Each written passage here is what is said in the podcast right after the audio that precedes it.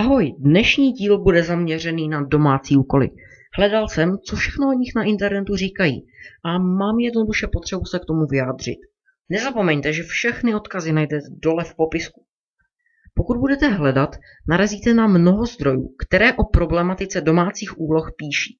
Dnes je podrobně rozebereme a řekneme si, jestli praxe ukázala, že jsou pravdivé.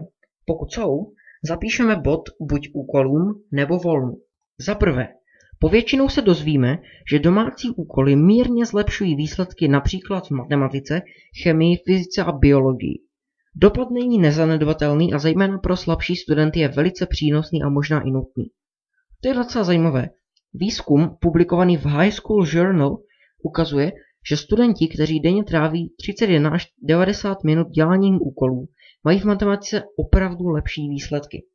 Takže číslo 1 lze označit jako pravdivé a znamená bod pro úkoly. Za druhé, mnoho úkolů může žákovi uškodit. Z vlastní zkušenosti mohu říct, že mnoho úkolů zvyšuje stres, snižuje čas spánku a vede k podvádění. Mimochodem, to podvádění si zapamatujte, to bude ještě hrát významnou roli. Nicméně bod 2 je pro volno.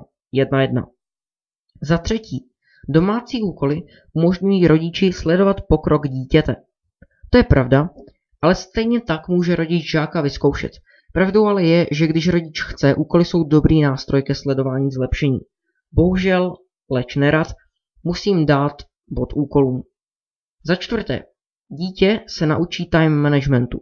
Problém je, že asi nikdo od narození stoprocentně neví, jak si rozvrhnout čas tak, aby ho trávil efektivně. Někdo ho to musí naučit. Škola to ale bohužel nedělá. Tím někým se u mě stal tedy YouTube. Ano, nástroj prokrastinace mě naučil, jak být efektivní.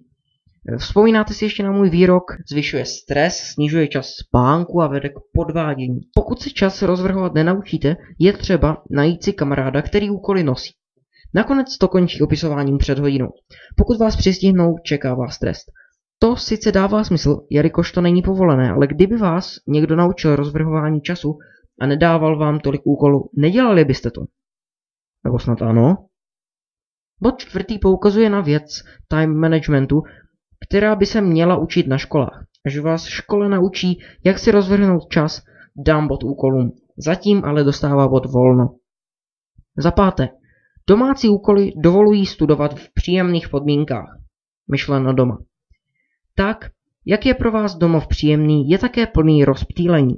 Dalším olejem do ohně je to, že v škole vidíte ostatní, jak se učí, a tak se učíte taky. Doma většinou nikdo nestuduje. Bod pro volno. Stav 2-3 pro volno. Za šesté. Tvoří komunikaci mezi rodičem a dítětem. Jaká to je ale komunikace? Už jsi udělal úkoly. Mně se nechce. To je mi jedno. Ne, prosím, já nechci. Ne, já nechci dělat. No, uznejte sami, že tohle stojí za prd. Stejně jako tady moje dabování, o bože. No, e, za sedmé. Pokud člověk nemá úkoly, může dělat to, co je pro něj důležité. Můžeme sice debatovat o tom, jestli to důležité má smysl, ale dělání nesmyslných věcí k životu patří. A třeba já bych z dětství bez nesmyslu nechtěl. To už jsme ale zase zašli příliš daleko, takže bod pro volno, které vede 2-4. Za osmé, škola je už tak pro děti v práce takzvaně full time.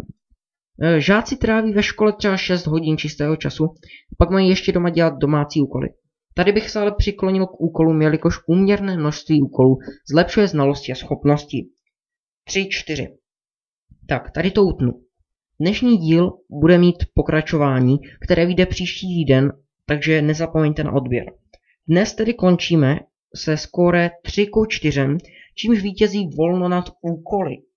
Příště ale probereme, co by se mohlo zlepšit, aby zvítězili úkoly.